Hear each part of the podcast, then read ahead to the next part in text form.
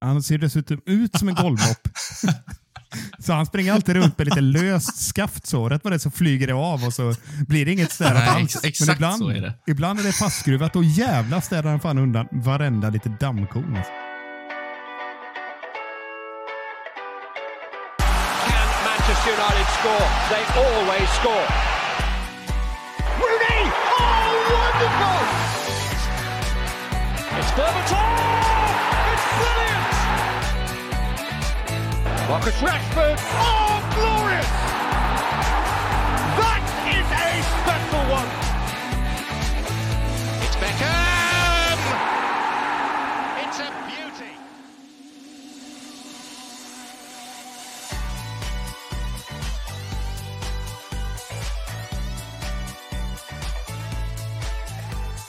God morgon, förmiddag eller kväll när du än lyssnar ska du känna dig ruskigt välkommen till ett nytt avsnitt av United-podden.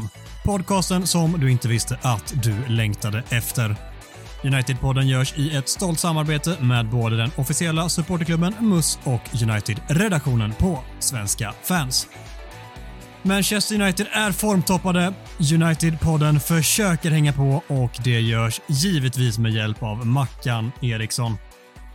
Har du gnällt av dig innan podden denna vecka eller har du sparat din terapitimme till avsnittet?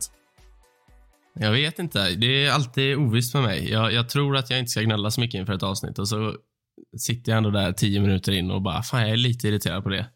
Och det. Och det. Så det kommer säkerligen bli lite gnäll idag också. Det utlovar jag nästan. Du är som en sån där riktigt gammal spis och när man slår på den så tar det jävla tiden i börja puttra lite men till slut så bara bubblar det satan och där sitter du och bara vrålar till slut. Det ska bli kul att se om det kommer den här gången. Vad tror du Micke? Har vi en, eh, en bubblande Mackan att se fram emot? Ja, men jag tror faktiskt det. Kan, han kanske rent av är som min spis, en gasspis. Det behövs inte många sekunder för att gå upp i hundra. Nej, det beror, det beror ju på vad vi eh, pratar om. Alltså, vi, det finns ju några ämnen jag går igång på väldigt snabbt och några som, som jag behöver lite tid på mig. Men eh, ja, vi, får, vi får se vad som dyker upp här. Det är kul det där för om man ska fortsätta den metaforen så ja, jag är påminner mer, påminner mer om en gasspis. Liksom. Jag har ett väldigt hett temperament som jag, som jag kanske inte alltid avslöjar i, i podden, men eh, ja, det finns där och bubblar. Men just Adam, du känns som att i avsaknad av tem temperament på något sätt så det går inte att göra det riktigt arg är min känsla. Är det en fördom som eh, inte stämmer eller? Nej, men det stämmer. Jag utmanar fortfarande folk till att få mig att bli riktigt irriterad på riktigt. Jag, ibland kan jag ju så här på något sätt klistra på någonting här i podden för att eh, det ska bli lite eh, någon form av dynamik när vi pratar om saker och ting. Men jag är helt obrydd om allt i livet egentligen såklart. Då, var jag inte helt fel ute i min spaning. Ständigt två plus. Det var ganska asrätt ut den här gången. Kul. Tack. Ja, vad har ni haft för i helgen då? Mackan, vad har du gjort? Haft några storartade saker för dig? Jag, jag har köpt ny driver och det... Nej, fan. Micke då? Nej, lägg ner. Fan, låt mig prata lite om det.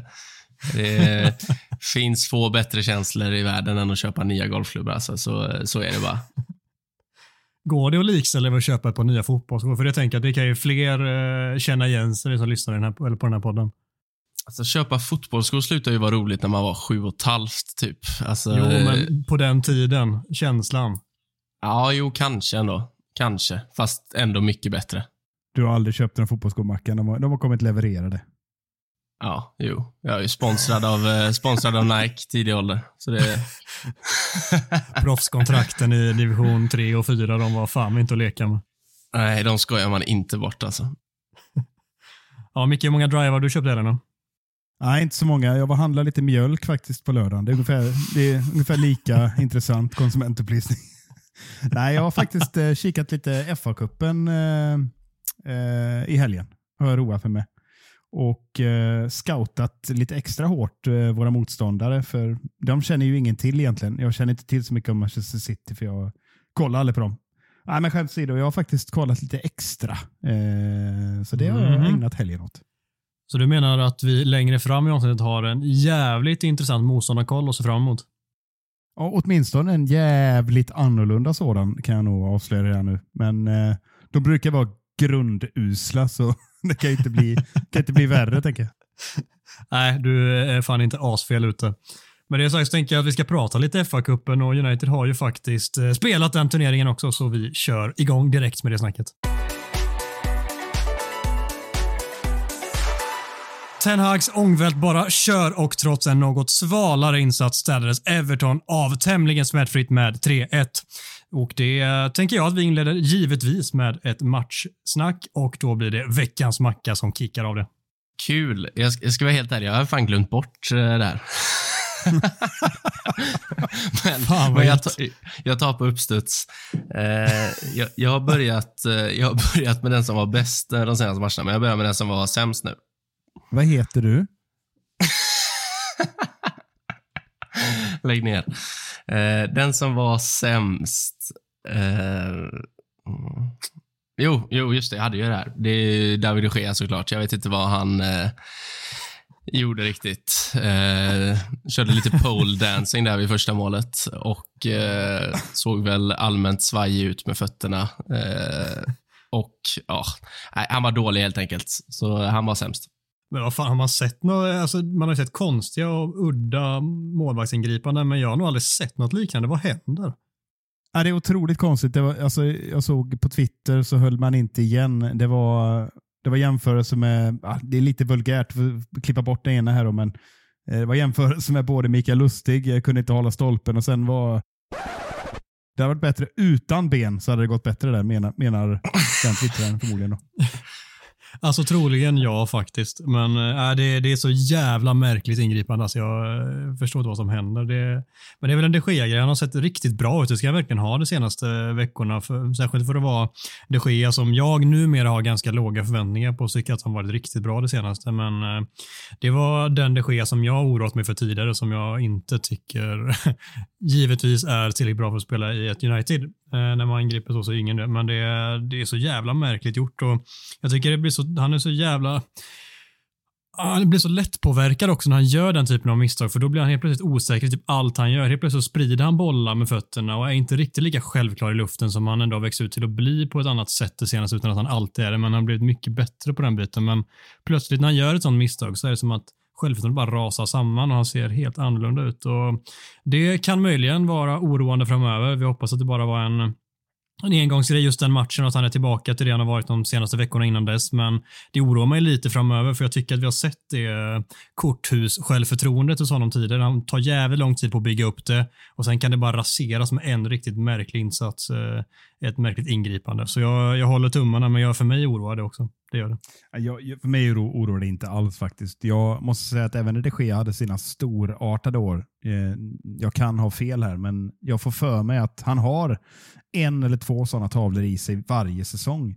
Bara att det du är inne på, som jag faktiskt inte tror kommer hända nu, att det kommer en, en, ett sjok här med massa tavlor. Det hjälpte en hel del att eh, vi fick lite hjälp av ett uselt Everton som vi kommer in på strax och att Connor Cody ja, gjorde mål i alla burar som fanns. Eh, men om man jämför lite med den här tavlan med eh, Kepas eh, tavla tycker jag mot City första matchen. När han låter bollen passera. Det är lite samma alltså paralyserade ingripande. Och, jag, det såg precis ut som att eh, de Gea trodde att bollen skulle gå ut. Så det, var- det var helt fysiskt omöjligt att bollen kunde spelas in av eh, Mopé var det va? Eh, alltså, den förvåningen var som det var som eh, Holmgren, han, har- han har, säger så här, han har vettigt, men han sa det ser ut som de Gea aldrig har stått i mål förut. Det var, det var en korrekt kommentar.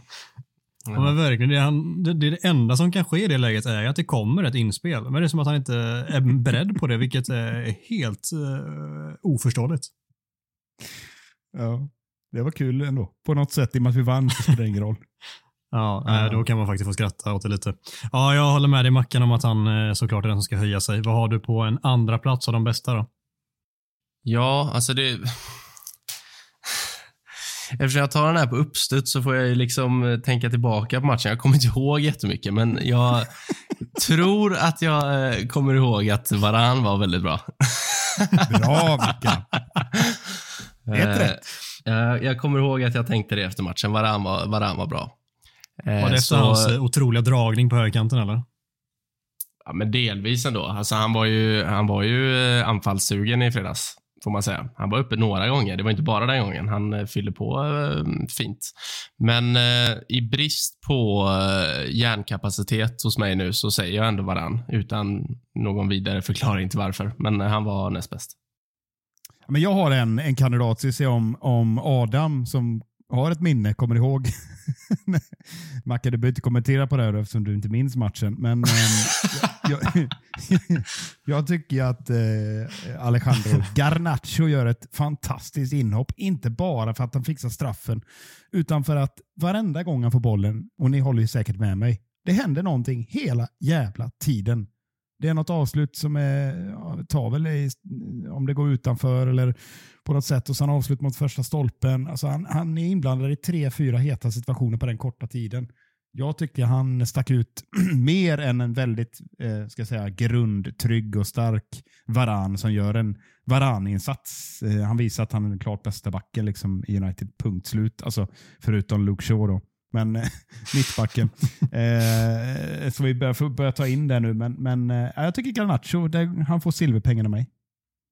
Mm. Jag tycker att han eh, också imponerar mycket. Man, märker att han väger lite lätt emellanåt. Emellanåt så eh, kan någon bara flytta på honom hur lätt som helst för att han inte har den fysiken. Och han, han är lite valp emellanåt, vilket hör till också när det är hans första seniorsäsong. Liksom. Det, det får man köpa, men jag håller med dig på det stora hela. Det händer ju saker konstant och sen så får han ändå lite prickarna vit på insatsen, fixa en straff också i slutändan som han gör jävligt, uh, jävligt bra. Sen jag tror ändå inte att jag har någon som tvåa, men uh, jag håller med om att han imponerade och uh, att det är jävligt kul att se den typen av spelare ta fart i United. Det, det är någonting extra när man får uppleva det. Så mm. jag landar nog ändå i, Varann tycker jag är kanonbra funderar i övrigt. Så det var ingen jätteinsats av någon egentligen, förutom den spelaren som givetvis kommer vinna den här utmärkelsen sen som var överlägsen på planen. Så är det väl ingen som sticker ut märkvärdigt. Det är liksom vissa spelare som glimrar till emellanåt med någon riktigt bra aktion. Anton hade väl någon som var rätt skön, i övrigt som var rätt blek. Och det, de blixtrar till, men jag landar nog ändå kanske att jag gillar fan med varans grundtrygghet, för det sprider sån sånt jävla lugn i laget också, ha det bakom sig hela tiden och att han också bidrar en hel del med bollen. Uh, dels när han dribblar och tar den typen av dribblingsräd, men också uh, på andra sätt som jag tycker gör så jävla mycket för laget. Så varann får den av mig. Mackan har ju bara gissat sig fram till den, men jag tycker det var en bra andra plats för bollen. Ska, ska vi köra ett sånt där På spåret-upplägg nu för, för Mackan så att han, vi får, han får hjälp här med den som var bäst på 10 poäng? Ja. Jag, jag, vill bara tillägga att jag kommer faktiskt ihåg att jag tyckte Garnacho var bra också. Så fick jag det sagt. Men eh, skit i det nu. Vi hoppar vidare till första platsen här. Eh, det, det, hade varit kul om jag sa någon annan nu, men eh, det går inte. Så eh, Marcus Rashford var bäst, inblandad i allt och kan väl i stort sett inte göra fel nu, känns som. Allt han gör blir bra och han är helt otrolig just nu.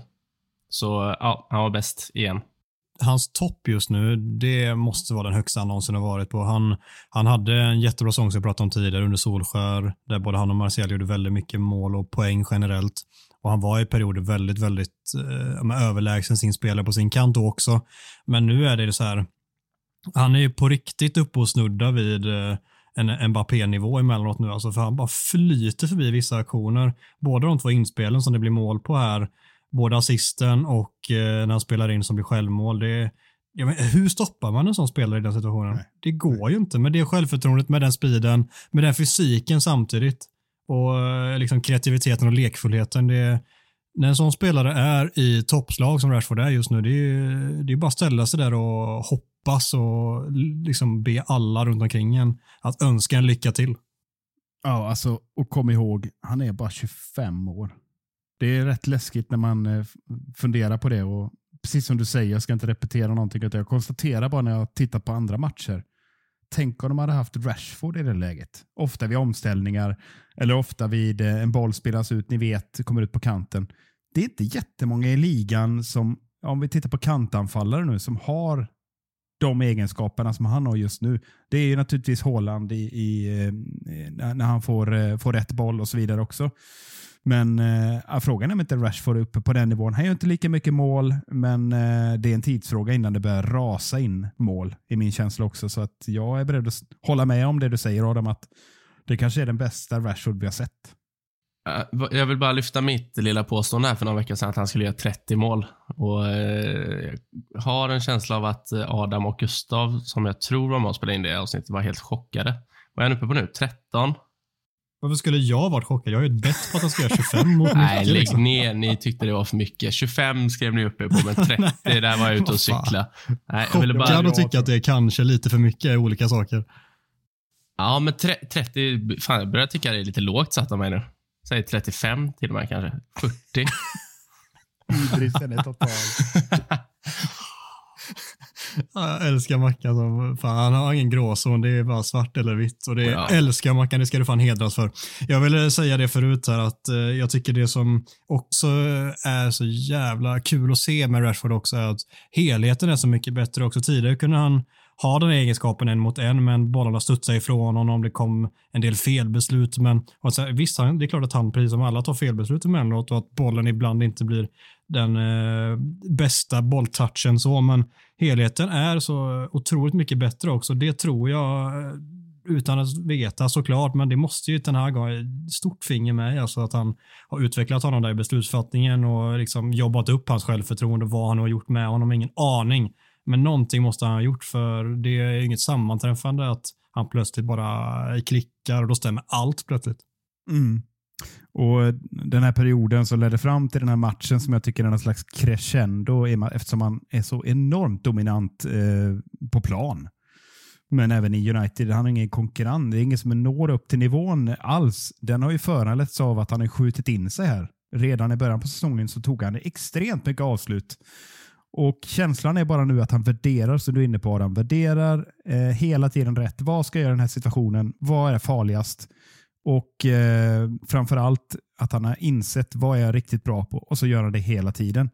Och Just den känslan tror jag tror det är mycket självförtroende men som du är inne på så har han slippat bort de här avarterna, eh, felvärderingarna och, och som jag tyckte att han har haft problem med tidigare. Och, ja, det, det, var, det var inte många fötter fel eh, satta mot Everton. Det kunde blivit fler mål om man säger så.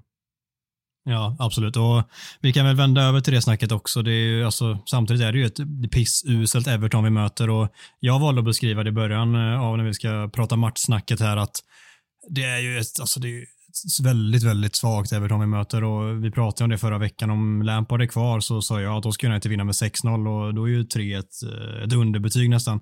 Och jag tycker inte United kommer upp i jättehög nivå ändå så är det aldrig ens oroväckande i matchen egentligen. Det, oavsett vad det står, även om det är så lika, så känner man att så här, det kommer reda ut sig. Det är inga konstigheter i detta. Även när de har ett mål inne på kvittering känner jag jättelugn, för Everton är så dåliga och vi har en Rashford i hög form och ett par spelare till och en grundtrygghet i hela laget som gör att så här, det blir en seger oavsett. Där, där är ju ni två, eh, alltså där skiljer ju ni er från mig. Jag är ju, jag, alltså även om United är ett helt annat lag än det Erik Ten Hag, så jag är aldrig eh, helt lugn vid en ettmålsledning. Alltså det, det finns bara i mig sedan de här sista, vad blir det, åtta år, nio år, att minsta lilla, det, alltså motståndarna behöver så lite för att göra mål mot United. Oavsett om vi spelar jättebra försvarsspel i, som vi har gjort nu under en lång period, så ska de Gea börja dansa på mållinjen istället för att ta bollen och så är det 1-1 helt plötsligt. Och sen har de en kontring i andra halvlek och så är det 2-2. Men då är det offside på en millimeter. Det känns fortfarande som att det där är i Alltså det finns kvar i United det där. Motståndaren behöver inte göra särskilt mycket för att det ska slinka in ett mål. Tycker jag. Det är min känsla i alla fall. Sen behöver det inte vara så alla gånger. Nej, alltså jag, jag kan hålla med dig eh, delvis att, att det är inte så att Ten Hags eh, transferering av det här laget att det är komplett på något sätt. Det buffrar väl någonstans runt mot 75-80% känner jag. Så att jag förstår vad du menar. Om vi tittar på Everton-matchen så, så upplevde jag väl att vi var lite, dels lite slappa i när vi tappade boll. Då blev det en ganska stor yta. Casemiro var inte lika, lika täckande och jag tycker Eriksen också tappade lite på det defensiva. Och Den här spelmodellen som jag läser in den och det jag såg mot Everton var att eh, den är lite sårbar. Den här 3-1 eh, 6 eh, spe, uppspelsuppställningen. när vi tappar boll. Eh, och eh, som Everton gjorde bra tycker jag, trots väldigt spretigt spel och eh, som du är inne på Adam, låg, eh, liksom, eh, alltså högsta nivån eh, är det väl okej, okay, men lägsta nivån är ju bottenusel.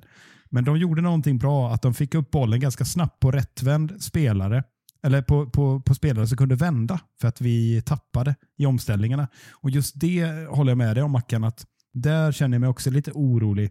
Vi har börjat kunna spela förbi eh, lågt eh, stående försvar, men när den här uppställningen blir lite övermodig, då och Casemiro inte har den här dagen, då ser vi lite ihåliga ut. Och eh, som du är inne på, när de får anfalla rättvända mot, mot en backlinje som byts ut lite här och var, och så där, då är inte jag jättetrygg heller. Så det gör dig faktiskt. Jag tror Mackan, du eh, är lite förstörd och det förstår jag. All respekt för att alla United-supportrar egentligen är förstörda för de senaste, vad sa du, åtta, nio åren. Det, ja, jag kan komma på mig själv sitta där också emellanåt, men det senaste har jag bara känt att det, det är klart att det kommer komma något poängtapp ibland. Det är jätterimligt, men jag är så jävla trygg med den, det grundspelet som vi har fått in och det kollektiva, den kollektiva tryggheten att även om vi skulle släppa in något mål någonstans så är jag tillräckligt trygg i den typen av matcher att så här, det kommer reda ut sig och gör det inte det så får det vara den plumpen då. Men på, liksom, när man slår ut i över tio matcher så kommer det, eller ännu längre än så, över en hel säsong så kommer det innebära så otroligt mycket segrar och då, då känner jag mig ganska bekväm med det. Sen är det klart som fan inte kul att tappa poäng och förlora matcher, det säger sig självt. Men jag, jag känner mig så extremt mycket tryggare och det, det är väl ett, ett betyg gott nog för detta, den här United som jag håller med dig Micke. Alltså, vi är ju, jag vet inte ens om vi är uppe på 80 procent som du sa, kanske 70 procent liksom. Och, och kanske en bit därifrån också. Så eh, ett gott betyg till detta United att trots att vi möter ett dåligt lag och vi samtidigt inte presterar särskilt bra så kan i alla fall vissa av oss känna sig ganska trygga.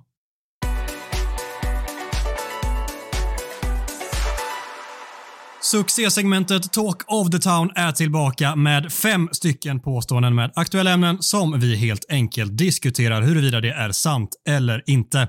Veckans första lyder som följer. Folk måste sluta döma spelare enbart på mål och assist. Det är otroligt tröttsamt.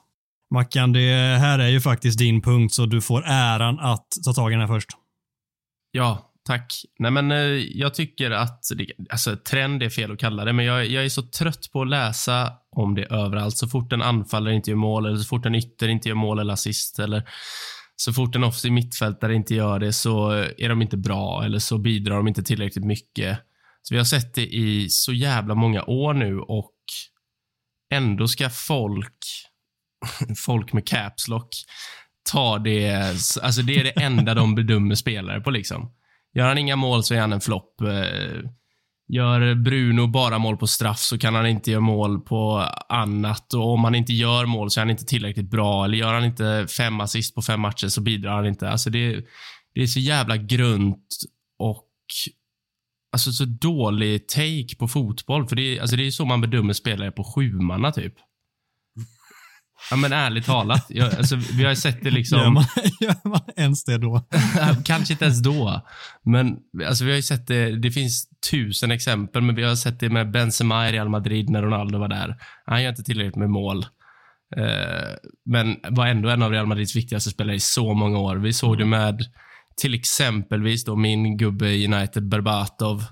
Jag vet att det finns när Rooney var i sin absolut bästa målform i United och Valencia bara piskade inlägg till Rooneys panna som han nickade in. Jag tror han gjorde sju eller åtta mål på så åtta matcher där Valencia spelar fram till sex eller någonting sånt där.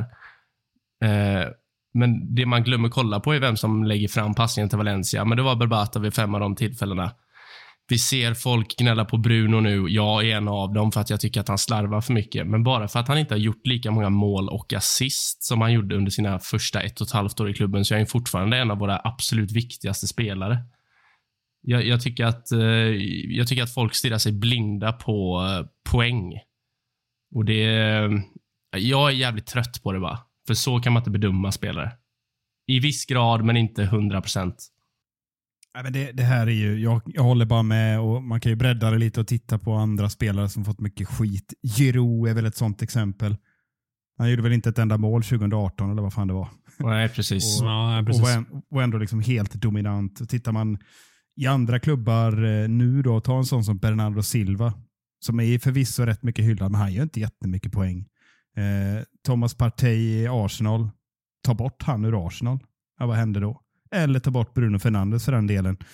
Eh, jag håller också med om att Bruno slarvar mycket, men, men som vi konstaterade förra avsnittet, att eh, man sitter och irriterar sig på honom så ligger han bakom sju målchanser under matchen. Hur många spelare gör det i ligan?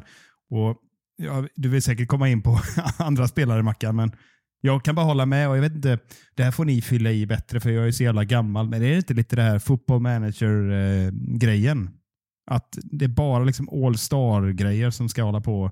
Man ska gradera och det ska betygsättas stenhårt. Och, bara, och klubbarnas, det har vi inte pratat om på länge, klubbarnas sociala medier pumpar ut liksom eh, mål och assist. Liksom ska lyftas in absurdum, byggas ikoner utifrån trender och liknande.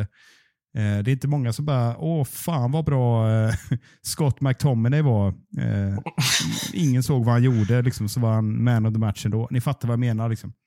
Det, det, är inte, det är inte fint att och, och följa något annat än mål och assist. Och som du säger, måttstocken ligger där och levererar man inte då är man värdelös. Ja, men På tal om svart och vit. Sen, sen vill jag bara lägga till så här, alltså det, är, det är klart att en anfallare, ytter och en offensiv mittfältare ska sträva efter att göra mycket mål och assist, men de kan inte bara bedömas på det, för det, all, alltså, så enkelt är det inte. Det, jag, jag vet att vi har varit inne på det tidigare i podden också, men jag, jag ser det hela tiden och jag blir så jävla trött på det. Du kan inte bedöma en spelare bara på grund av att han har gjort fem poäng de senaste fem matcherna. Alltså, så jävla enkelt är det inte. liksom. Vi, vi, vi kan ta upp Berbatov igen då som exempel. Han gjorde, han vann skytteligan, delad skytt jag tror han gjorde 20 mål i Premier League och vann den eh, tillsammans med TVs när han var i City. Eh, men alltså 12 av de målen var på fyra matcher. Så det blir också så här. Det, det blir också konstigt att bara bedöma det så, för det, mål kan komma i sjok och sen kan det komma tio dåliga prestationer. Man har fortfarande gjort nio mål på de senaste elva. Så det, det, blir, det går inte att kolla så bara. Det går inte. Nej, verkligen inte. Och jag tycker att det, man kan väl exemplifiera det väldigt tydligt tycker jag vid en spelare som egentligen inte överhuvudtaget ska vara på planen för att göra mål och assist i grund och botten i Casemiro, men det är från och med när han gör en assist och sen gör kanske framförallt gör ett mål där mot Bournemouth. Han trycker in den i krysset liksom som, som han hyllas så mycket som han har gjort. Han har hyllats mycket innan det, men det är från och med då som folk bara säger jävlar, han är ju, han är ju bäst någonsin. Han är ju bästa defensiva mittfältaren i ligan. Då får folk upp ögonen när han hamnar i målprotokollet eller assistprotokollet när han gör poäng plötsligt. Och det är en spelare som inte ska göra det. Och märk väl, jag menar inte att han inte var hyllad innan. Han har varit extremt hyllad.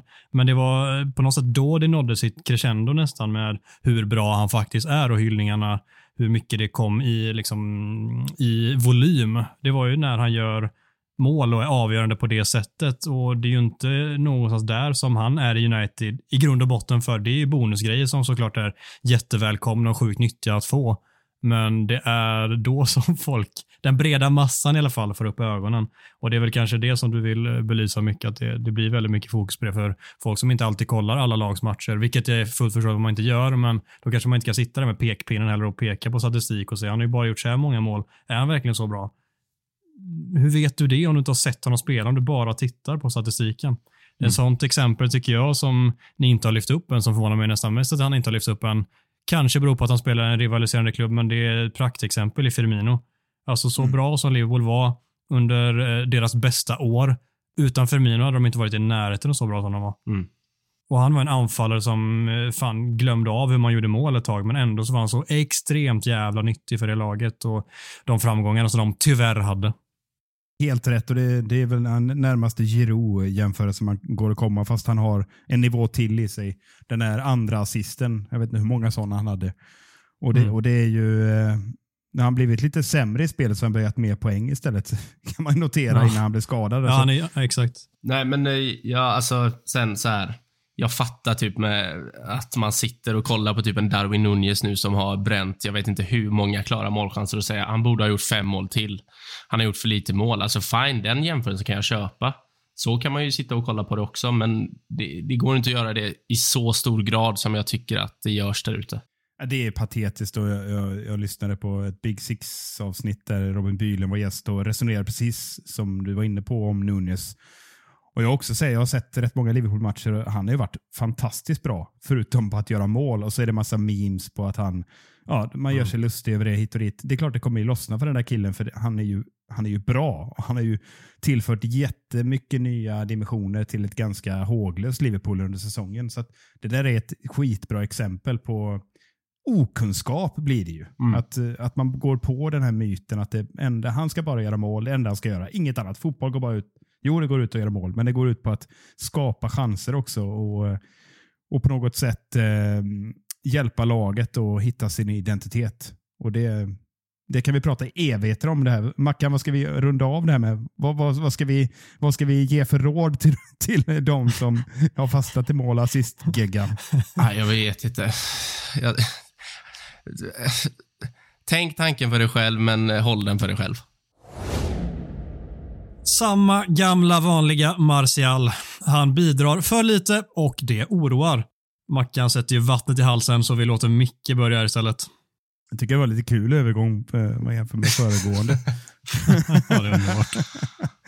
Ska man dra en lans då för Martial, jag ska göra det oväntat nu då, eh, så har jag noterat att Ten Hag verkligen skyddar sin eh, franska gunstling eh, och pratar om hur mycket han bidrar eh, i spelet i alla delarna. Precis lite Bobby Firmino eh, roll har han en liten falsk nia ibland och ibland är han inne i straffområdet. Och, eh, jag, jag tycker han gör många saker bra.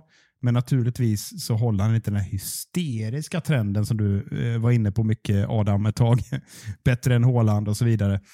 Nej, men eh, jag ska säga, jag är inte särskilt oroad för jag noterar att han blir utbytt mest hela tiden i 70 eh, etc. Och Det är för att bygga upp honom. Och Ten Hag säger själv att vi kan inte gå med Martial 90 minuter alla matcher för då går han sönder. Eh, och Det tycker jag är klokt. Så att jag är inte jätteorolig. Jag tycker, jag tycker vi känner igen Martial. Eh, så här har det alltid sett ut, men, men däremot tycker jag han är mer mognare i spelet och är mer, ska man säga, central i sättet vi spelar nu än han var tidigare när han var lite marginalspelare upplever jag i alla fall. Mm. Mackan, du ska få... Um, nej, fan, kör du direkt. Lå, låt oss höra vad du tycker. Här. Men kan inte jag få gå ut sist på Martial? Jag är alltid ute först, eller tvåa. Fan, kör nu Adam. ja, ja. ja, nej, jag, alltså, jag är ganska lik Micke. Jag är inte särskilt oroad. Och Jag ser folk där ute som börjar skruva på sig ja, men så fort han egentligen inte är eh, kalas på. Det känns som att Martial måste göra så otroligt mycket för att övertyga folk och det kanske beror på var han kommer ifrån i mångas ögon. Eh, I mina ögon och i Mackans ögon framförallt så eh, behöver han inte riktigt övertyga på det sättet men för många så krävs att han gör en en VG-insats för att folk ska vara nöjda medan för mig så krävs det en godkänd insats för att jag ska vara nöjd. Det är väl någonstans där som det ligger och ribban och förväntningarna på honom och då är det klart att det blir skilda åsikter i slutändan. Vissa blir jävligt oroade när han inte gör mål, han inte är sådär knivskarp framför mål. Men jag tycker att han bidrar till ett jävligt mycket mer flytande anfallsspel och jag tycker att det det säger en hel del. Det går inte bara att titta på det, men det säger en hel del att vi har gått så bra efter att Ronaldo har lämnat klubben och vi fått in Martial i den rollen. Vi har varit andra som har spelat det lite emellanåt också. Han har spelat hela matcherna etc. etc. Men det ser mycket bättre ut. Vår centrala anfallare gör inte så mycket poäng, men eh, helt plötsligt så är Rashford typ bäst i ligan. Nej, men den här punkten, den anspelar ju på den första. Jag tycker att eh,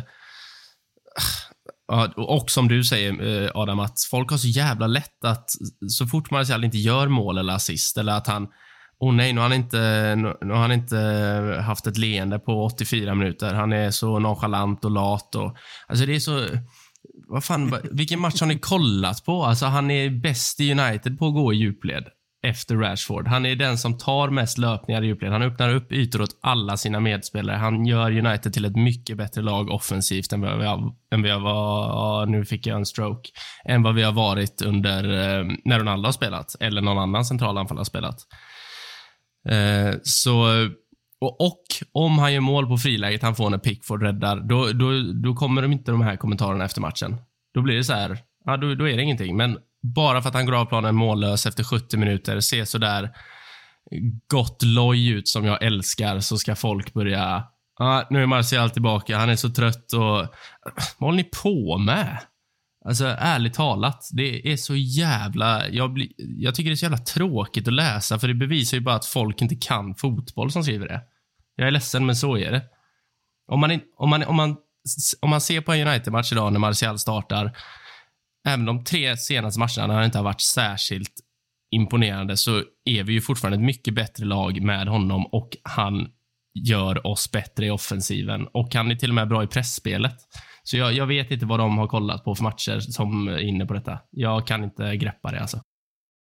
Nej, men det är tydligt att Ten Hag har fått ordning på Martial. Så kan vi säga. Det är vi överens om. Det finns ett orosmoment och det har vi tjatat om sista året. Han, eh, enligt mig i alla fall, kan, vi kan inte lita på att han ska leda eh, laget varje match, spela 90 minuter eh, var nia. Det går inte och det är därför vi behöver förstärka på den positionen och det är Ten Hag också inne på. Ja, alltså det, det, det, är jag, det är jag helt med på. Den, den aspekten är jag ju 100% bakom, men att han ser sådär trött och nonchalant och loj ut. Alltså det är ju så han är som spelare. Det hade varit jävligt konstigt om han kom ut i en match helt speedad. Då hade man tänkt, bara, vem fan är det vi har där uppe? Daniel James typ. Ja, då hade, han, då, då hade han ju också tappat hela sin förmåga vad som har gjort honom till en bra fotbollsspelare. Så jag vet inte vad det är folk vill se. Alltså det tänk, att, tänk att slänga i Daniel James, Jamie Vardy på topp, eh, på toppen av sin karriär och den här dåren i Arsenals mål. Släng in dem i en mixer och så skulle Martial komma ut med de tre personligheterna. Liksom. Ja, fy fan. Ja, nej, men jag vet inte. Det kanske är det, kanske är det folk vill se då. Att en, eh, en speedad anfallare som har snortat koks innan match och bara går ut och kör järnet i 90 minuter. Liksom. Men det kommer man aldrig få med Martial, så det är bara att glömma det. Han är en väldigt bra fotbollsspelare, inse det eller... Eh, jag säger som senast, eh, tänk tanken för dig själv, men håll den för dig själv då. För du är fel ute. ja, men så här, det, det är klart att man kan eh, uppskatta och föredra olika typer av anfall. Det har full respekt för att det finns de som tycker att eh, den bästa vägen för ett fotbollslag är att ha en mer av en killeranfallare i boxen som inte är med så mycket i uppbyggnadsfasen och bara ligger och hugger i straffområdet. Full respekt för att man tycker det. Men man kan, inte, man kan inte bara blunda för att det finns andra typer av anfallare som också är jävligt bra, som också gör lag bättre. Och det är precis det som Martial gör. Han är en helt annan typ av anfallare än den traditionella nian. Med det sagt behöver inte han vara en dålig anfallare för det, eller en anfallare som inte går att använda i ett topplag. Man måste kunna ha två bollar i luften samtidigt. Wout Weghorst på lån är en bra anfallslösning i januari. Fan, det är ett jävla guldnamn. Bara målet han gjorde i VM. Han bara snurrar upp eh, vem, vem, det nu är i Argentina i boxen och bara pillar in bollen på den varianten. Det är skäl nog för att värva honom. Kör den varianten varje gång. Ingen kommer kunna stoppa honom. Ja. Bra uttalande då på namnet fin. Eh, Adam alltså. Ja. Man kan nästan tro att du är flamländsk. Tror du att jag satte den? Ja, jag tror fan det. Man skulle kanske göra det. Ja, den tog jag verkligen på uppstuds. Tack. Varsågod. Nej, men jag, jag, håller med om detta, jag håller med om detta påståendet eh, faktiskt. Jag blev, jag blev fan... Det är klart jag... du gör. Du sitter i en orange mössa och spelar in idag. Ja, exakt. Är det för att hylla Weghorst? Ja, Neder, Nederländare in i själen, ja. Uh, nej men uh, jag blev, alltså när man läste det först tänkte jag bara, vad i helvete är det som försiggår? Hur, hur ska det här gå till? Han är ju utlånad till Besiktas. Och ni vet, jag, alltså utlåningar för mig, eh, det är bullshit alltså. Jag hatar skiten. Jag hatar utlåningar. Och, och att vi då ska låna in en anfallare som är utlånad från Burnley av alla jävla lag i världen, så är det ju bara ruskigt osexigt. Men Vegas är ju ändå ganska Alltså jag tror det hade blivit bra. Jag, jag tror bara det. ja, jag skrattar, men det, det, är för att den här allmänna bilden av Weghorst är ju liksom en, en Burnley-anfallare, men det är ju en spelare som de facto är rätt skön med fötterna, trots att han är liksom 2,90 lång. Och eh, folk tänker att han kan ju bara stångas i boxen, han kan inte göra något annat, men det är ju en spelare som föredrar bollen på fötterna och sen är jävligt eh, svår att ha att göra med i boxen med tanke på sin fysik. Det är ju ingen spelare i United idag som har gjort fler mål i sin seniorkarriär på elitnivå än vad han har gjort. Och ja, han är äldre och han har spelat i andra typer av lag och ligor, men med det sagt, han gör mycket mål. Den här gillar honom och det är ett alternativ i laget som jag tror vi kan dra nytta av i många matcher. Utan att säga att på det sättet han ska vara första valet så tror jag att det kan hjälpa oss. Det är inte en, som det sexigaste någonsin, det ska gudarna veta, men det kommer förmodligen bli nyttigt om det nu blir av, tror jag. Det kan väl ge en sån här X-faktor-spelare lite grann. Eh, lite som Fellaini var. Han var utskälld och, och sådär. Ändå var han extremt nyttig många, många, många matcher. Eh, och tyvärr eh, ofta det enda alternativet. Det var att slå en långboll in i straffområdet han skulle ta ner det på bröstet eh, till Mata som skulle fumla in en bredsida. Liksom det var varianter vi hade. Men, eh, men det känns, det är många grejer. Nu är det inte klart, men det känns, jag, jag tror det här, det här blir klar. tror Jag Jag tror det är stenklar övergång. I och med att eh, det är en holländare, Ten Hag sägs ha redan pratat med honom direkt, eh, eh till och med innan VM. Eh, och, och eh, det, det, är en sån spelartyp som alla redan skrivit där, men som vi saknar. Och, och just ha en sån att slänga in för att förändra en matchbild, eller för den delen eh, starta med mot vissa, vissa motstånd eh, och, och framförallt att växeldra med Martial. Jag, jag ser bara fördelar och jag ser noll risk med att låna honom till sommaren med en köpoption. Skulle det bli en succé, varför inte förlänga en säsong med honom? Annars så tackar vi för eh, kaffet och, och önskar lycka till och så värvar vi in något jävla as istället. Så eh, avslutningsvis skulle jag vilja säga att eh, han gjorde väl det eh, trixet där Ten Hag med Sebastian Allaire, att ta in en motsvarande spelare som man kan väl säga blev ganska, föll ganska väl ut. Ja, det får man säga att det gjorde i det fallet. Nej, det, det känns ändå spännande. Jag hade aldrig i hela mitt liv kunnat tänka mig att jag skulle sitta och gå igång lite grann på en Weghorst i United, men eh, plötsligt gör jag det. Och det det är väl lätt att den här har gjort med en. Uh, vänta tre veckor så kanske det är helt andra vindar som blåser och vi sitter och gnuggar oss i skallen och funderar på vad i helvete gjorde vi här? Varför tog vi inte in något bättre? Men uh, här och nu känns det jävligt intressant så jag väljer bara glida med här i glädjetåget och säga att det blir en bra anfallslösning i januari. Ja. Det, får jag bara säga det att Weghorst är väl på riktigt det bästa som finns tillgängligt nu. Om jag, om jag, om jag inte missar någon uppenbar. Det verkar så i alla fall. Det är, det är Joao Felix emot men han ser ut att vara på väg till eh, Chelsea. Och det är, alltså det är eh, Chelsea. De, eh, jag tycker att United har skött transfermarknaden så jävla dåligt de senaste åren, men alltså vad fan håller Chelsea på med? Det är det, är det värsta jag har varit med om. De har värvat 18 mittbackar på ett halvår. De gör inga mål och de släpper in mycket mål. Och sen de behöver en kille som gör mål. De behöver en anfallare. Och då kollar de runt i världen. Eh, och så plockar de in en kille från Molde som förvisso är rätt duktig, men han kommer inte spela en minut i vår. Så kollar de runt så här. Jaha, fan, Joao Felix. En släpande anfallare. Vi har ju bara Kai Havertz där. Vad har vi? Och så har vi Per-Erik abonnemanget där uppe på topp som inte kan göra mål om han så fanns stod på mållinjen med bollen. Så, uh, Chelsea, jävla pajasklubb alltså. Fan, jag hoppas verkligen att de bara fortsätter rasa nu. För de, insatsen igår mot City är ju typ sämre än United när vi torskar med 6-3. Och det säger fan det mesta.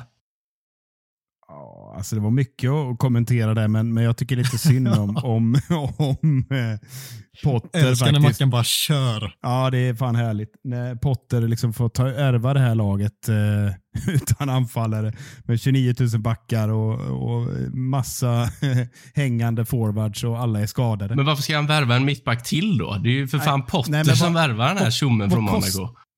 vad kostar den här eh, tjommen? Alla heter Fofana. De har tio sådana som heter Fofana nu va? Fofana kostar väl, eh, han var inte så dyr tror jag inte, 120 miljoner kanske. 12 miljoner ja, euro ja. precis. Ja, men Badiashile är ju så här, vad var det, 400 mil? 450? Ja, jag tror det var 35 miljoner pund typ. Ja. Om jag inte missminner mig. Nej, det, alltså, ja. ja. Varje gång jag varje gång jag tänker att United har gjort många dåliga varje gång jag kommer tänka att United har gjort många dåliga transfer så kommer jag att se tillbaka på Chelsea 22, 23 och tänka, ja, vi är inte Chelsea i alla fall. Så det, det är ju något skönt med detta. Fint att vi helt oväntat fick in en galen Chelsea-såga. Det, det vurmar jag verkligen för. Jag bara kom att tänka på det. Ja, men det är gött. Med det sagt låter det som att alla är överens om att eh, Weghorst är en eh, bra anfallslösning. Ja. Underbar. Stentufft schema väntar och rotation behövs, men utan Casemiro och Rashford klarar sig inte United. Ja, vi har ju touchat det här lite tidigare, det här med att, eh, eller jag var inne lite grann på det, plocka bort två nyckelspelare ur City, ur Liverpool och Arsenal. Då vinklipper du det laget också. Så att jag, visst, absolut, Casemiro har varit outstanding, Rashford likaså. Men så jävla dåligt lag har vi inte. Eh, men det är klart det vore olyckligt om båda två skulle försvinna ur, ur, ur truppen samtidigt. Men eh, nej, jag tycker väl, jag är lite mer inne på det du varit inne på i början här Adam. Eh, att United ser jävligt stabila ut. Och det är inte bara Casemiro och Rashfords förtjänst utan det har ju byggt upp en, en trygghet nu som jag tycker, jag är inte lika rädd för att möta City och Arsenal om man säger så. Arsenal har för den delen redan slagit så det var ju det tar jag tillbaka med en gång här. Men, men eh, många är livrädda inför City-matchen. Jag är inte lika rädd, eh, även om jag inser att det är mycket matcher. Men så jävla mycket matcher är det inte. Det är inte mer än något annat topplag. Så att jag ser med tillförsikt fram emot här och håller inte med om det här påståendet att vi, vi skulle stå och falla med Casemiro och Rashford och att bli ett helt annat lag. Det tror inte jag på. Men eh, att vi blir sämre, det, det blir vi ju naturligtvis. Mm, jag tror att ska jag vara ärlig så jag, mot, eh, mot City utan eh, någon av Casemiro och Rashford så eh, blir det alltså extremt tufft. Även mot Arsenal blir det väldigt tufft utan dem, för de är, oavsett vilken grundtrygghet vi har i laget nu, så är de här två de enskilt viktigaste spelarna för oss. Casemiro vet ju allt vad han bidrar med på centrala mittfältet och jag tror det skulle det skulle vara en obehaglig syn utan honom i dagsläget, för han är den som håller ihop precis alltihop där på, eh, på så många sätt. Och Rashford har den X-faktorn som ingen i dagsläget har där framme. Det är många som kuggar i och gör vad de ska, men få som gör lite extra i dagsläget och det är precis det som Rashford gör och det behöver vi i matcherna mot de allra bästa lagen. För med handen på hjärtat, de lag vi har mött det senaste har ju inte varit de bästa. Uh, och då mot de bästa lagen måste vi ha våra bästa spelare. Så ja, det är klart att det, det är klart att det inte är deras förtjänst enbart på något sätt, men utan dem i de två matcherna så eh, blir det jättesvårt och det är kanske snarare det där som vi ska ta vidare det här snacket egentligen. Vi har nu tre matcher på åtta dagar tror jag där, där vi möter först City, sen Crystal Palace och sen möter vi Arsenal. Och det blir ju extremt viktigt att landa den rotationen rätt, att, att hålla våra viktigaste spelare friska och pigga, fräscha när vi ska spela de två viktigaste matcherna blir mot Arsenal och City, men ändå ha tillräckligt bra lag för att slå ett Crystal Palace som man inte bara gör med en handvändning. Så eh, det blir eh, jävligt intressant att se hur Ten Hag väljer att laborera laget här. Hur tänker du där Mackan?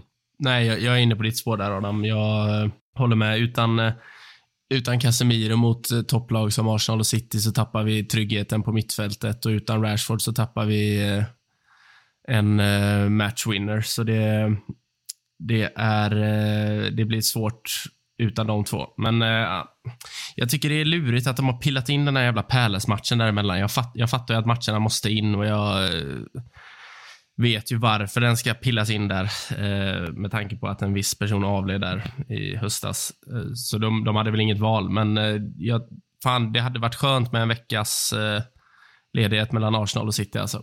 Det hade varit jäkligt skönt. så jag, jag hoppas och tror att att eh, minst, minst en av eh, Cas Casemiro och Rashford kommer vilas mot Palace. Inte helt, men spela max eh, 60 minuter. Det är, det är våra två viktiga spelare just nu, så de, behör, de kan inte spela varje minut för då kommer de gå sönder under våren eftersom vi har så pass mycket matcher. Vinst mot City och Arsenal. Då är United titelutmanare redan i år. Känn på den lite bara. Det är klart vi är. Jag har suttit och kikat lite grann på spelschemat här och konstaterat att så blir det ju. Eh, och inte bara att rent poängmässigt för eh, Arsenal har ju Tottenham innan här eh, och det är inte jättelätt att bara vinna den. Tottenham är nog rätt sugna på att slå tillbaka dem. Och City har för den delen också Tottenham då, förvisso hemma. Men eh, ett på nytt för Tottenham här som har varit under under isen länge eh, kan ju säkert störa dem. Eh, och det, tappar de poäng där, ja, men då är vi uppe och hugger rent poängmässigt. Men framförallt min poäng här, slår vi City och den energin det skulle ge laget med tanke på den plattform vi befinner oss på nu, det vet ju alla. Vi skulle explodera av energi och städa av Crystal Palace med C-laget. Vi kan bänka alla då, så vinner vi lätt. Och sen kör vi över Arsenal och så Ja, det, tänk, tänk den och gå, gå in i den energin i Arsenal-matchen med två segrar i ryggen här. Eh, ponera det. Ja, men då är vi en titelutmanare rent mentalt. Det skulle jag vilja eh, spika fast här och nu. Ja, det var lite det där jag ville landa med den här punkten. att Ja, rent poängmässigt skulle vi ju vara någon form av titelutmanare, men jag tror att vi genuint skulle vara det, för vi har varit inom räckhåll poängmässigt tidigare säsonger, men vi har inte känt som en titelutmanare oavsett, för vi har inte haft det i oss. Men om vi faktiskt nu kan slå de här lagen, Arsenal har vi slagit ja, men vi möter dem borta nu och det är ett Arsenal som är ännu bättre enligt mig än vad var, de var när vi mötte dem senast. Och ett City som vi vet vad det ställer för prov för oss och vi torskade rätt rejält senast. Att visa, alltså att göra det, den typen av statement mot de lagen, både för oss själva och för dem runt omkring. Det är det som skulle vara det viktiga. Det är klart att de poängen är jätteviktiga om man vill vinna, vinna någon form av Premier League-titel i år. Men helheten som det in, skulle inbringa i så fall, det är ju det som jag snarare vill peka på i så fall. Och det är jättelångt dit och det är ingenting som vi gör med på, på något enkelt sätt och jag tror inte heller att vi gör det, men fan vad kittlande. Alltså jävlar vad roligt det hade varit att få de här segrarna här nu så att vi genuint har en eh, ruskigt, ruskigt spännande vår framför oss. Mm. Ja. Jag, jag vågar inte ens tänka på om vi slår bara Arsenal City, för då eh, jag vet inte, det, jag kommer ju delvis inte kunna, kunna hålla uppe mitt negativa jag här i podden. Min, eh, mitt pessimistiska mitt pessimistiska jag kommer försvinna och eh, hybrismackan kommer komma fram. Jag vet inte om eh, det är bra för någon inblandad egentligen, men eh, alltså själva påståendet, det är klart. Så är det ju bara. Slår vi båda dem så är vi ju med i en titelstrid oavsett om vi vill eller inte. Så eh, Ja, och jag, alltså på riktigt, känslan är fan att vi kan slå båda. Det är den här lilla jävla Palace-matchen som oroar mig lite.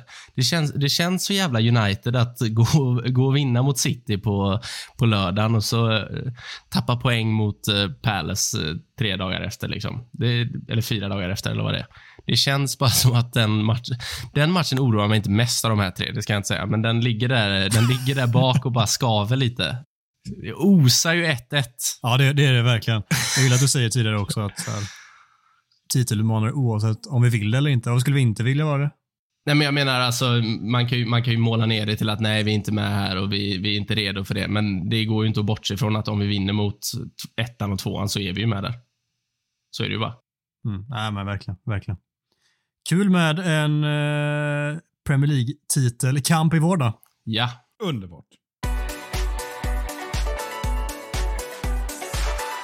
Och tro det eller ej, nästa match spelas mot Manchester City i ett stekhett Premier League-derby där det finns viss revansch att utkräva. Mötet sparkar igång på lördag klockan 13.30 och Micke har som utlovat givetvis satt ihop en högintressant motståndarkoll på lilla, lilla lillebror. Ja, nej, men jag tänker det, det är lika bra att vi gör det här gediget som jag var inne på. Så det är ju ingen som följer City. Eh, de har väl knappt några supportrar va? I Sverige åtminstone. Så att eh, det är lite konsumentupplysning. Nej, men skämt åsido. Eh, det är klart att eh, det är ju ingen hemlighet att det här är en tuff uppgift för oss. Och tittar vi eh, bakåt i tiden, eh, så långt jag har kikat de senaste 33 matcherna, hör och häpna, så har ju City plus statistik med 16 segrar mot våra 13. Och endast fyra matcher har slutat oavgjort. Och lite kuriosa där att när det väl slutar oavgjort mellan eh, Manchesterklubbarna, då blir det inga mål. Då blir det 0-0 de senaste 33 matcherna. Det är lite anmärkningsvärt. Så att eh, det är liksom eh, äta eller äta som gäller och det har ju verkligen City sysslat med om man tittar de senaste tre matcherna för då har vi nämligen tre raka torsk och fyra tolv i målskillnad. Och, eh, naturligtvis så är det ju en uppförsbacke och det kommer snackas mycket. Jag har inte sett några odds än, men, men eh, United har ju ganska fint läge. Jag vet att vi gav 5,20 hos de flesta oddsättarna när vi slog tillbaka Liverpool med 2-1 här eh, i höstas. Jag skulle tro att oddsen kommer att ligga eh, lite lägre, men ändå i närheten. Så att, och Det tycker jag är fel om man ska titta rent spelmässigt. Men eh, naturligtvis så går det ju bra för City. Man tycker att de hackar lite ändå, de obesegrade efter VM.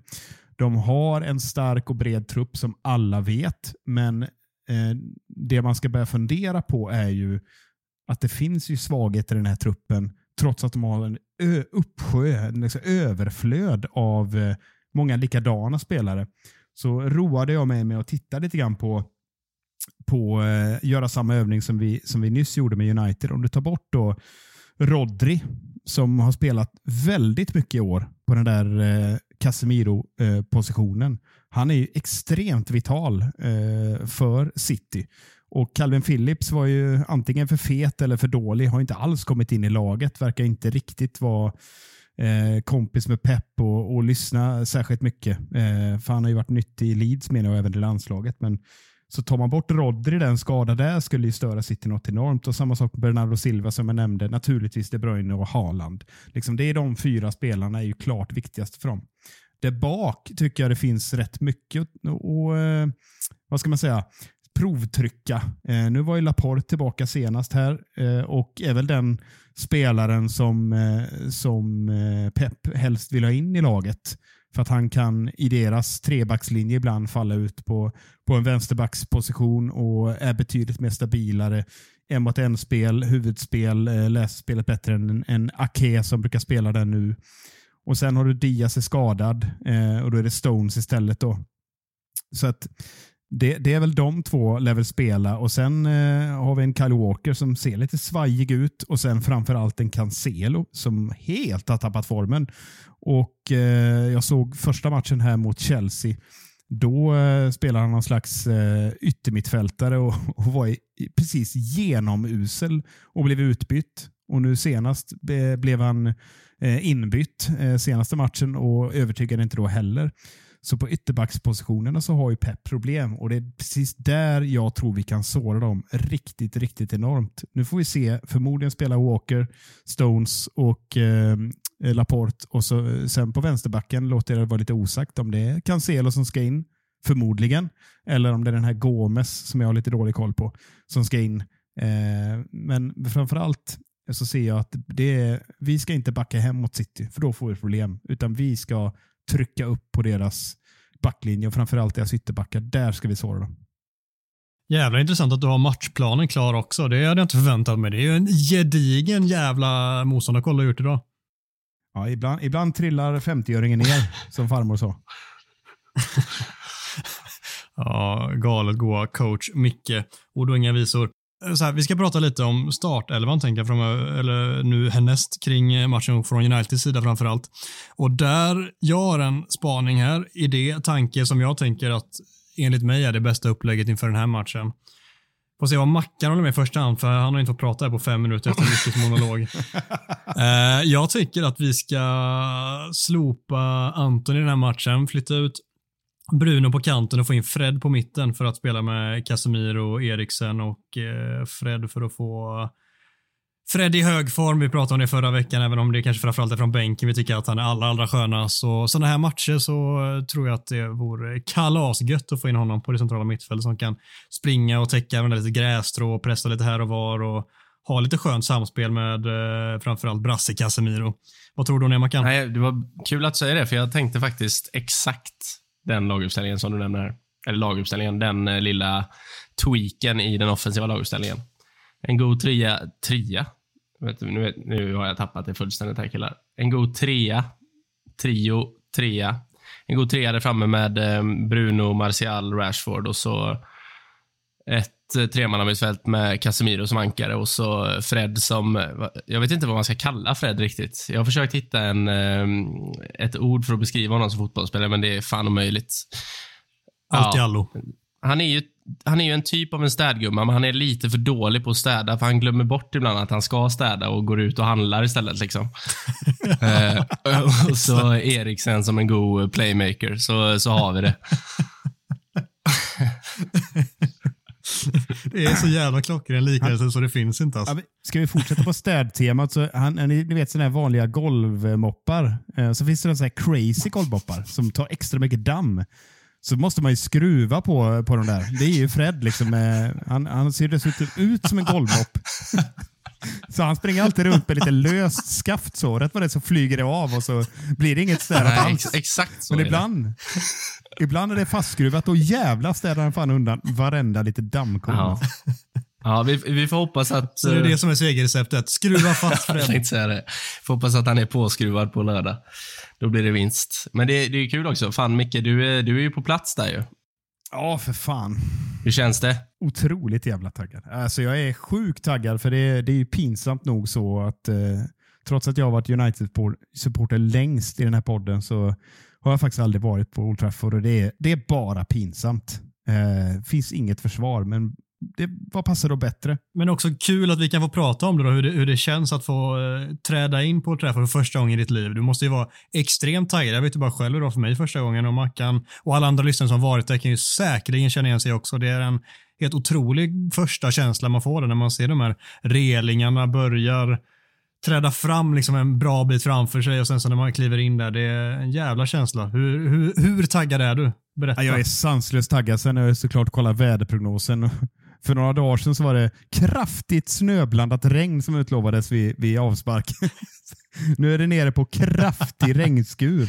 Så jag hoppas att det rationaliseras bort eh, så småningom här. Men, ja, men jag är, skiter i vad det är för väder. Jag är så jävla taggad.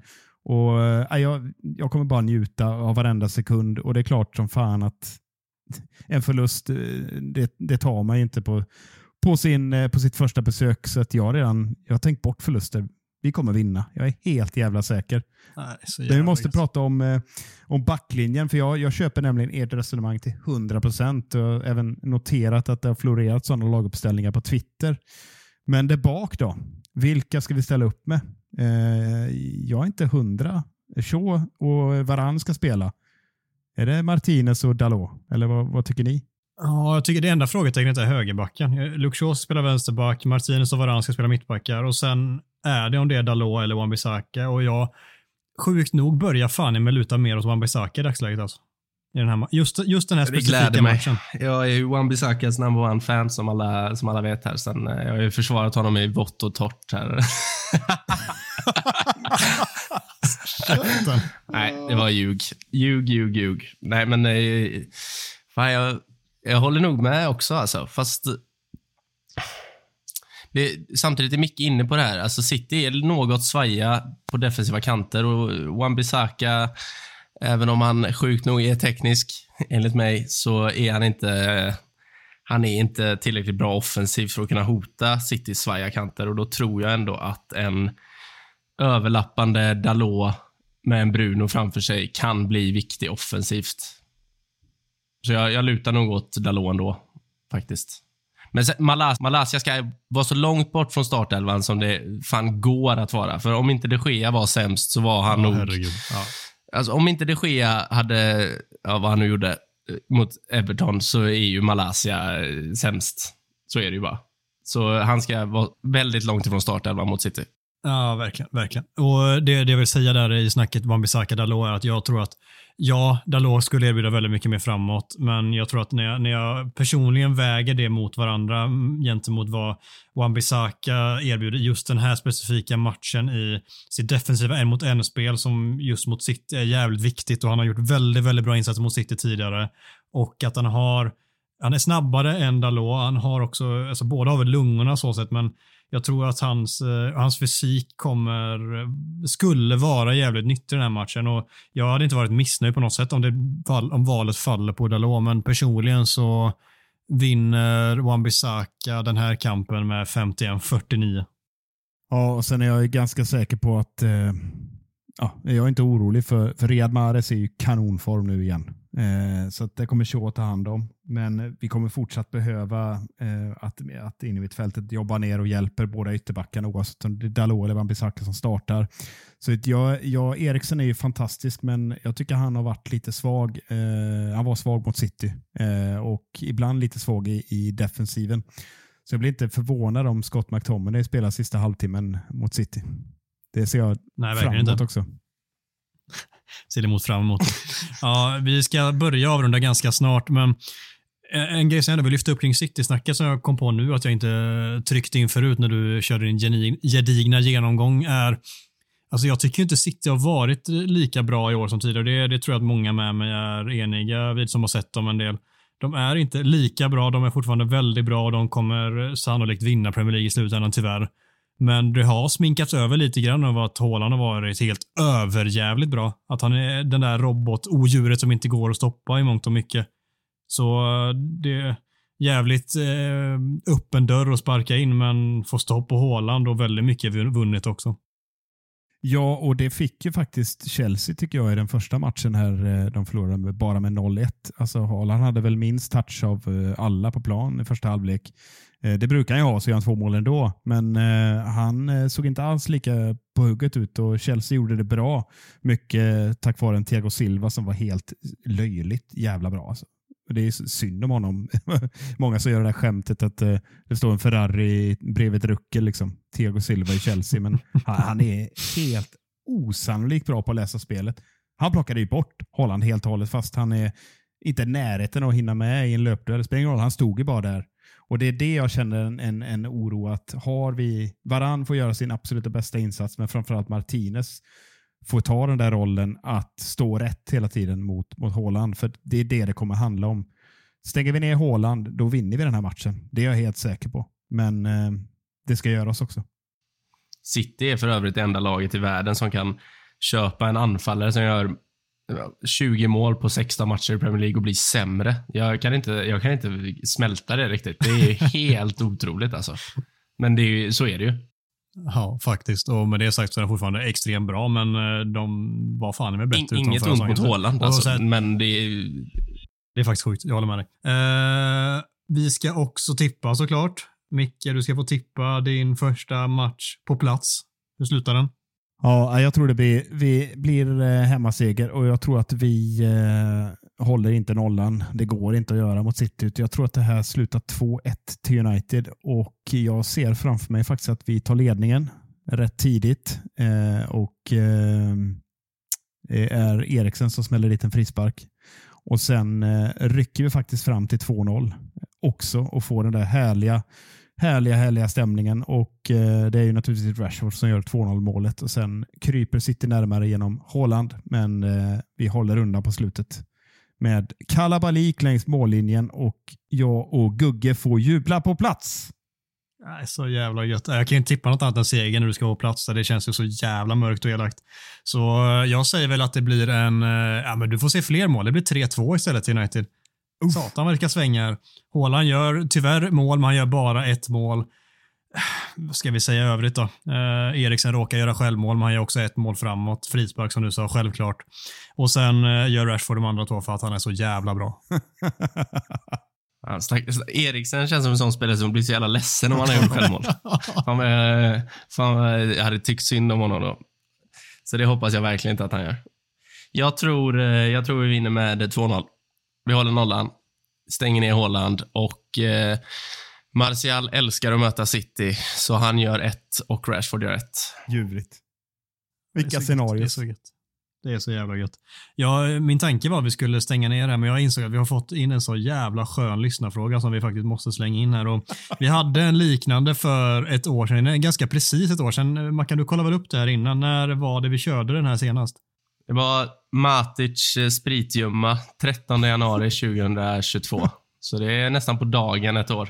För övrigt om man får sträcka på sig och liksom klappa av sig själv lite på axeln så alltså det avsnittnamnet vi har till den, det avsnittet, det, det kommer vi aldrig kunna slå. Matic spritgömma, jävla klassnamn. 6 plus. Ja, det är det faktiskt. Men ja, eh, frågan lyder så här då. Vi. Den kom från Johan Lind. Han skriver så här. En bonusfråga. Hur tror ni att en lagfest i dagens United ser ut? Vem blir fullast? Vem äger dansgolvet? Vem blir sentimental? Och Micke, du har utlovat att du har legat och grubblat på den här hela dagen. Är det ändå du har gjort idag egentligen? Så uh, red ut detta. Lagfesten i United. Hur ser den ut? Ja, det är ju... Det är nog fan stökigare än på länge va? Det känns så. Att uh, här finns det en del profiler som har tillkommit som, som skapar lite, ja, det fin finns lite karaktärer. Alltså man ser framför sig typ att uh, Favela Tony och eh, alltså Anthony då, eh, som han också heter, eh, ryker ihop med Lisandro Martinez efter ett shot-race. Och, eh, de kan ju inte slåss utan de skallar ju bara varandra. Det, det ser man ju framför sig. Så det är bara skallar tills, tills den ena inte står kvar.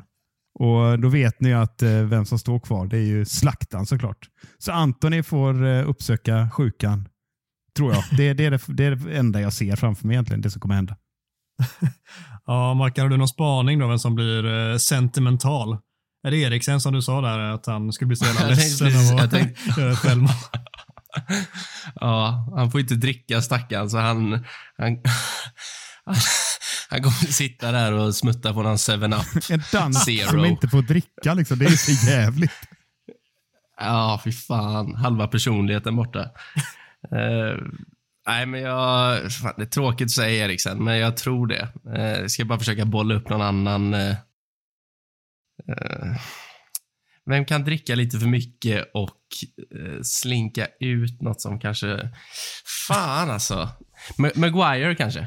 Maguire kan nog bli lite sentimental. Han har, eh, han har, han har, han har det tufft. Mm. Det har han. Då släppte han på allt som han har Så- försökt bygga upp ett sken för att han inte har påverkats av, fast han egentligen har påverkats jättemycket. Exakt, sitter och storbölar i Shaws knä där vid 23.40 och tappar det fullständigt. Det är mysigt ändå.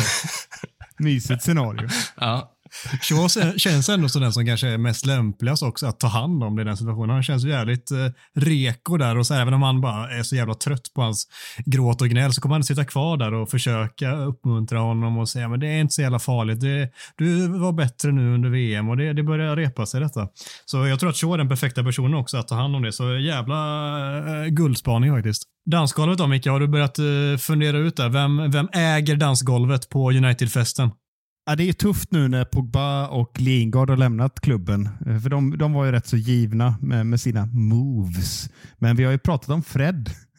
Han har ju i alla fall intensitet i sitt, sitt dansande. Han har också en breakdance i sig. Ser ni inte det framför er? ja jo.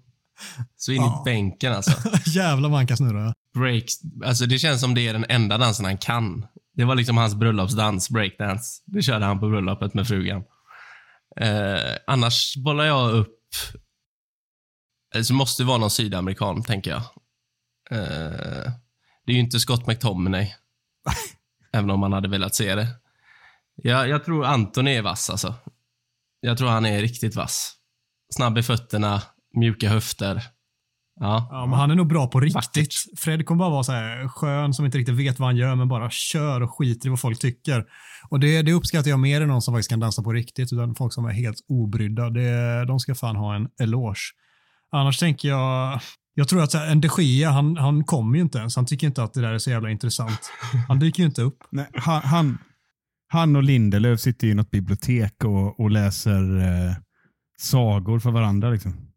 Ja, kanske Lindelöf. Jag, jag är osäker. Där är jag lite kluven faktiskt. Han känns som att han bakom låsta dörrar helt plötsligt bara släpper lös istället. Jag, jag för mig att jag nämnde det när vi spelade in den här eh, Matic Splitima förut. Att jag tror att Lindelöf har en liten jävel i sig. Alltså. Jag tror att han eh, älskar bärsen. Jag tror att han kommer på rätt hårt.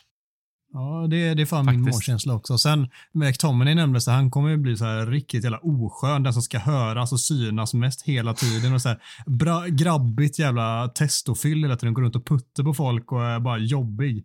Han har också en sån här jävla skall, skalla ner folk-aura på fyllan. Helt Alltså, oprovocerat känns- också. Han misstolkar någonting. Ja, ja fint. Ja, men det kommer bli stökigt. kommer det bli. Det, där, är, där är du rätt ute mycket. Stökigare än på många år alltså. Det, det har man på känn. Där har man velat vara en fluga på väggen, precis som man har velat vara när Micke och Gugge ska till Manchester och kolla derbyt. Visst har ni utlovat lite content på något vis därifrån? Ja, men vi tänker oss faktiskt, om ni, om ni kommer ihåg det här eh, Packat och klart, hette det någon serie som gick på, var det SVT eller TV4 kanske det var? Eller När och fjärran. Nej, ingen har hört talas om det utan du. Nej, men eh, jag, jag tänker den här, den här mer okända varianten, packad och klar. Eh, vi tänker oss det temat.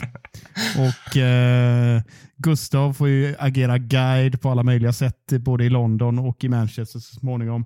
Så att, eh, vi tänker oss Mickes resa eh, på något sätt. Och, och det brukar hända saker eh, när jag är ute och reser. Och den här resan har varit jävligt svår att få till.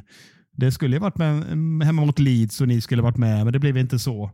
Men eh, nu blir det derbyt istället. Och då har man tänkt på vad kan hända nu? Vem, vem kommer att dö nu? Eller eh, vilket virus kommer att upptäckas? Eller vilken strejk eh, kommer de uppfinna där borta? Nej, det verkar lugnt på den fronten. Nej, men naturligtvis när man ska boka tåget från Stansted eh, så visar det sig att det är underhåll just den här helgen. Så att det går inga tåg. Så att då får man åka taxi. Det är jättebilligt. Så den här jävla resan har ju bara rasat iväg nu. Fan. Tur man tjänar så jävla bra. Taxi. Taxi. Tur att Gustav känner bra eller? Taxi London, Manchester. Vad, vad landar det på? Jag tror de skulle ha 1100 för enkel, men då står det en sån här liten eh, eh, gubbe med en liten skylt. Vill säga, Welcome Mr Martinsson, hoppas jag. Ja, det hoppas Så jag att, eh. Det är ändå lite li- guldkant. Verkligen. Ja, Ja, men kul. Vi har eh, content att se fram emot, åtminstone. Det kan ni räkna med, i någon form i alla fall. Ja, jävlar vad gött. Med det sagt är det fan med dags att stänga igen här. Tusen tack grabbar för att ni snackar United som vanligt. Tack för att ni lyssnar, kära lyssnare. Era lyssnarfrågor har hjälpt oss ännu en gång. Fortsätt skicka in dem så blir vi evigt tacksamma. Följ oss på sociala medier. Där kommer ni garanterat få första hinten om när det kan dyka upp lite gött content från England. Med det sagt, ta hand om er.